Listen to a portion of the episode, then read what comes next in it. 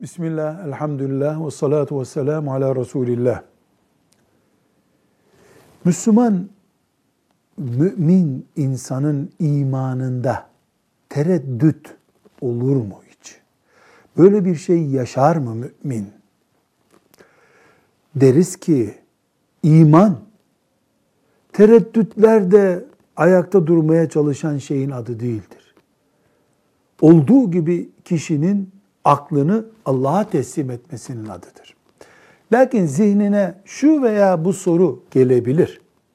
Melekler niye şöyle, niye böyle diye sorular gelebilir imanla ilgili bir konu olarak. Ama sonuçta mümin pek melekleri düşünmüyorum ama ben müminim haşa diyemez.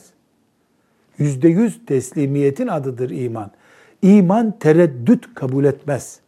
Müslümanlık tereddütle, gel gitle olmaz. Yüzde yüz kabul etmenin adı Müslümanlıktır, müminliktir.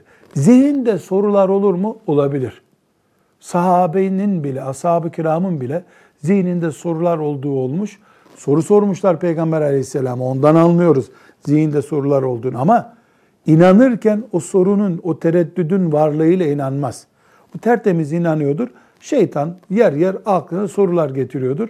Cevabını buluyor veya bulmuyor, geçip gidiyordur. Velhamdülillahi Rabbil Alemin.